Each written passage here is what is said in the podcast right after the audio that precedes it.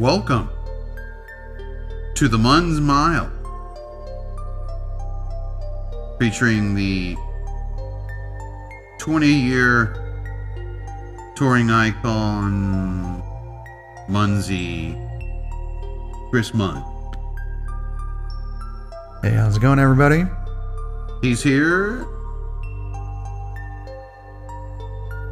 Excited for what we have to provide for you guys today in our segments.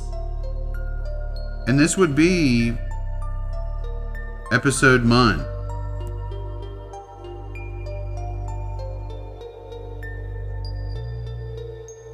In episode three, which was a little while back, we really we talked about some venues, a spotlight on tour with the Muns.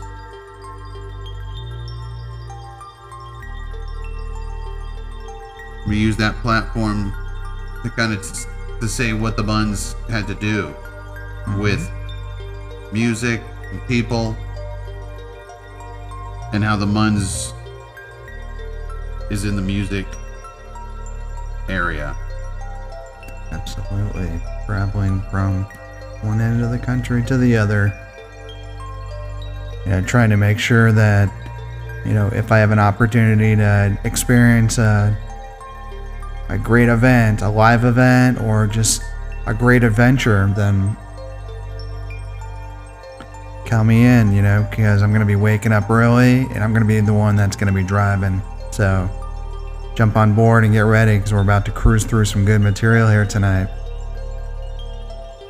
And what I'd like to include into this conversation is the next show that the Muns may go to once the the boys from Vermont get back into the scene. Yeah, absolutely. The the four guys from Burlington, Vermont. So they those guys were able to play to a live web audience on New Year's Eve. They played three sets. The music that they played, I thought it was a pretty good show. I was very pleased that I got a chance to to watch it on my Chromebook. Um, as far as the next time that I'm probably going to go see these guys, um, you know, part of it it's going to be, you know, are there going to be other people with me that are going to come and join, join along and uh, Going into the mix. going the distance. So, um, Now, I think the Muns did state states of interest in which he may want to go to the next show. Yeah, totally. Um, I mean, they're going to be hopefully making up those shows in uh, New York that they were supposed to play during the New Year's Eve run. Um, but me personally, I am eyeing in an event that is going to be in South Carolina. And it's supposed to be happening. For those who are counting at home, just north of South Carolina. And we're getting close to wrapping up this first segment of the fourth episode of the Muns Mile here at Runes Media Studios. It's Mr. Mojo and the Muns. But we're going to mention the Muns here, and we'll be back for segment two coming up soon with the Muns.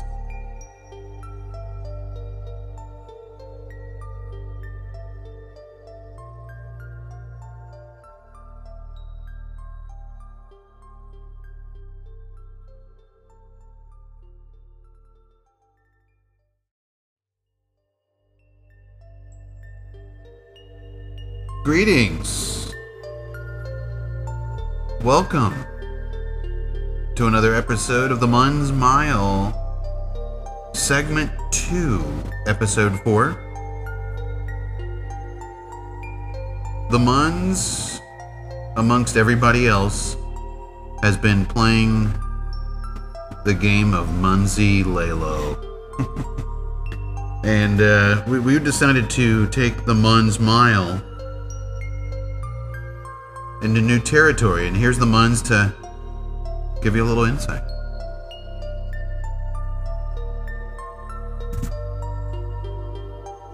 All right, so in this segment, we're going to go ahead and just kind of discuss something that's a little bit uh, off topic, but still something that I think is going to keep your listening ears open. So, um, one of the things that I'm, I'm pursuing is looking at as many state parks that are going to be within a reason to get to and be able to experience all the different types of scenery that is displayed uh, throughout our state. And uh, so I have a list of, of these parks, and I. Um, now, you've mentioned some of these parks in the past absolutely, here on the Mun's Mile, and I believe a couple are in a place that has a yellow in its name. Uh, yeah. Uh, I think there was some kind of line from from uh, one of the songs Frank Zappa had, where it was like, "Don't, don't touch the yellow snow." Uh, but yeah, there's actually a, a cool place. Uh, it's a small John little, Bryant? small little hippie town that uh, right next to the downtown s- square of that Glen Helen. community is just some magnificent Mother Nature that you can just hike through and uh, Clifton Gorge. yeah, waterfalls, you know, uh, flowing river. Now, when the Muns goes on a good hike, do you like to take a a bottle of water, one of those camelback things for your backpack? Are you gonna use one of those life straws? Yeah, I would definitely use the life straw. Uh, usually, when I'm going out out and about, I'm I'm gonna make sure that I have water, and I'm gonna be using my Adidas fanny pack uh, when I'm walking through some of these areas. And Now, can, what are some of the things that the Muns brings on a good hike that maybe some of the listeners may want to include into their Adidas fanny pack? hmm Yeah, I mean, I'm a huge fan of soccer, you know, so anything that's related to Adidas, um, you know, or if there's anything that is, you know, high high end material that you know is going to be dependable when you're out in Mother Nature, whether it's for an emergency or something, you want to make sure that you have something that you know is going to keep you going, whether it's water or Do you like a- sandals over boots? Does the Muns I usually try to go with the boots. Okay. Now you mentioned a fanny pack. Do you often bring perhaps maybe a another type of bag that's over your bag in your back, otherwise known as a backpack? Maybe with additional goods? Yeah. Yeah, that's key. I mean, you got to make sure that, you know, when you're on the go, you got to have, you know, everything with you, you know, whether it's, you know, strapped across your hips, you know, or like you said, you know, on your back. You know, um, we've definitely done a few things with that, you know, whether it's hiking or even biking. So that would be pretty cool. So if you guys are interested, And we'll bring that up in the next segment. In fact, Muns pointed out biking. We will talk about some of those.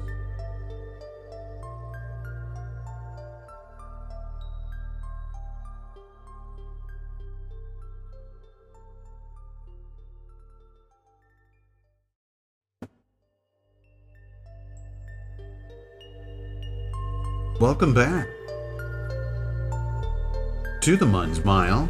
We got Mr. Chris Munns here, segment three, episode four. Munns goes to Hollywood. We were talking in the last segment about hiking, something that's dear and near to the Munns. Chris Munns, the 20 year touring icon, people, places, Munns.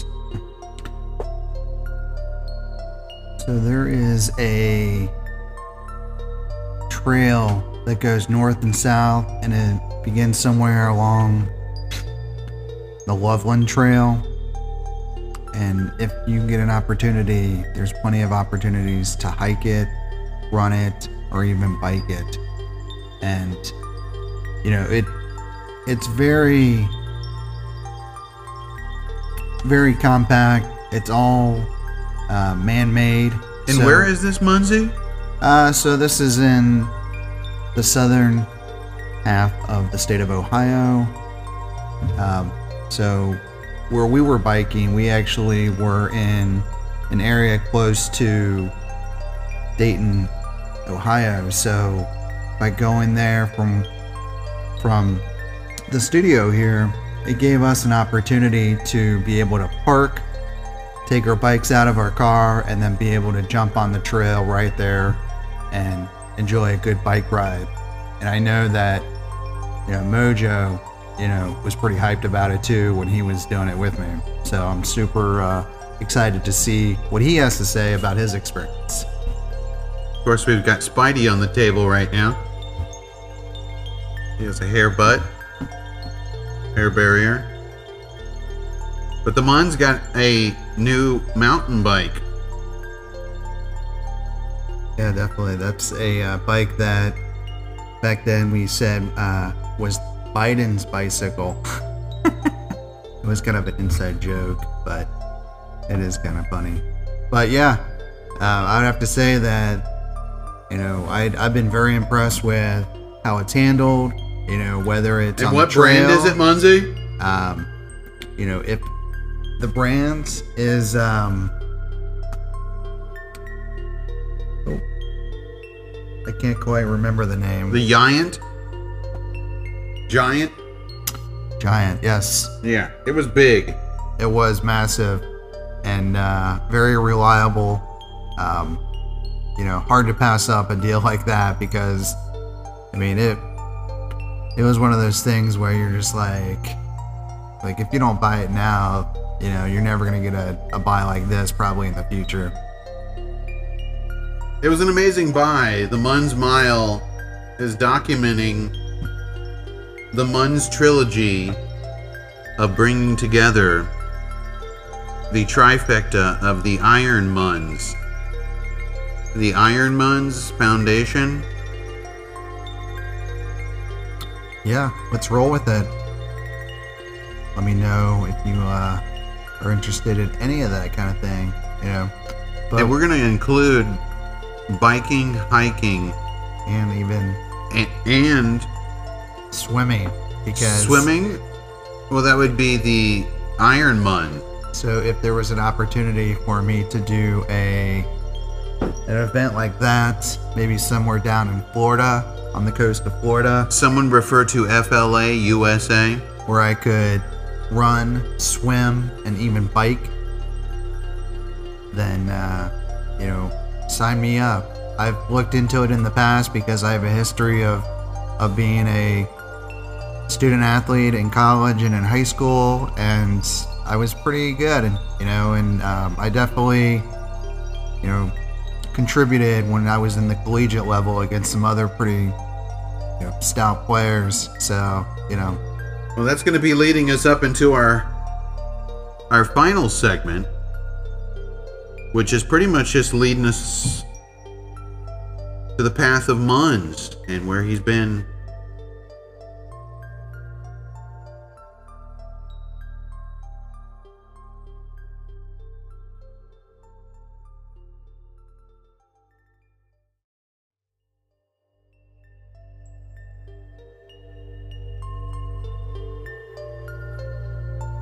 Yeah.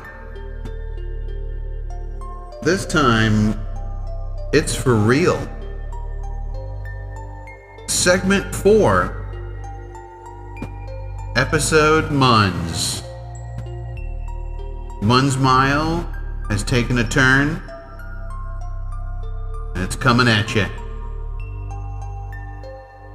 We got the 12 year Iceman here, 20 year tour guy, and Grand Sherpa, Mr. Muns. And I think this currently is going to be a topic we're wild carding right now. And I'm going to talk about pizza.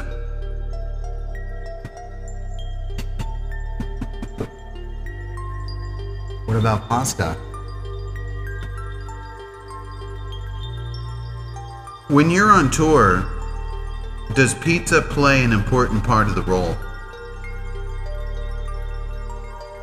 Yeah, if I can find a slice of pizza somewhere and I, I want something like that at, during that time, whether it's late at night or, you know, on the go, yeah, Do you think some. When you're down on Shakedown Street and there's going to be people saying, hey, I've got some za, mm-hmm. Would you participate? yeah.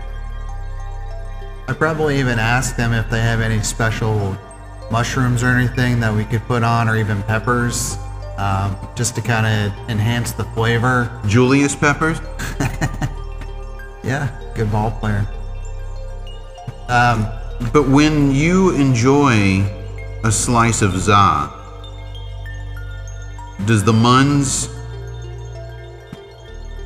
prefer a cerveza in conjunction with a little bit of za? Yeah, for sure. Yeah, I'll definitely drink some some good beers, have some good laughs with people, you know. I mean, that's just extra. I mean, the focus mainly is, you know, those slices of pizza that you, you know, devour, you know. I mean, you know, the more toppings the better. I mean, that it just gives it that that fuller effect, you know, and it just gives you that feeling that hey, you know what, I'm putting good food in my body. But when you're on tour, a good slice of za will get you right there. Every time. I would agree. And so what I'm thinking is if someone's got some za and they're bringing it to a show, would you recommend them eat the pizza in the stadium or the pizza out in Shakedown Street? I mean, what does the Muns take out Well, if pizza? if people are selling slices of pizza on Shakedown Street, you know, I'm gonna be interested in wanting to help them out more than the people that are selling me the slices of pizza inside the venue. So I feel like, you know, with with my experience of, of touring, you know, with, with Phish and um, with Mo and other jam bands, that you need to help out your own community that you see traveling along with you. And, you know, familiar faces are always great to see, you know, when you're out on the road, you know, because you can always have, you know, that connection. You know, you can even, uh, you know, meet people that, you know, you probably never got a chance to meet if you didn't do do that, you know, by going out on the road and touring. Now, if you get pizza from someone who has dreadlock, do you think they should wear a hairnet? Yes. I think everybody should be wearing some type of covering, you know, to protect themselves and those people around them.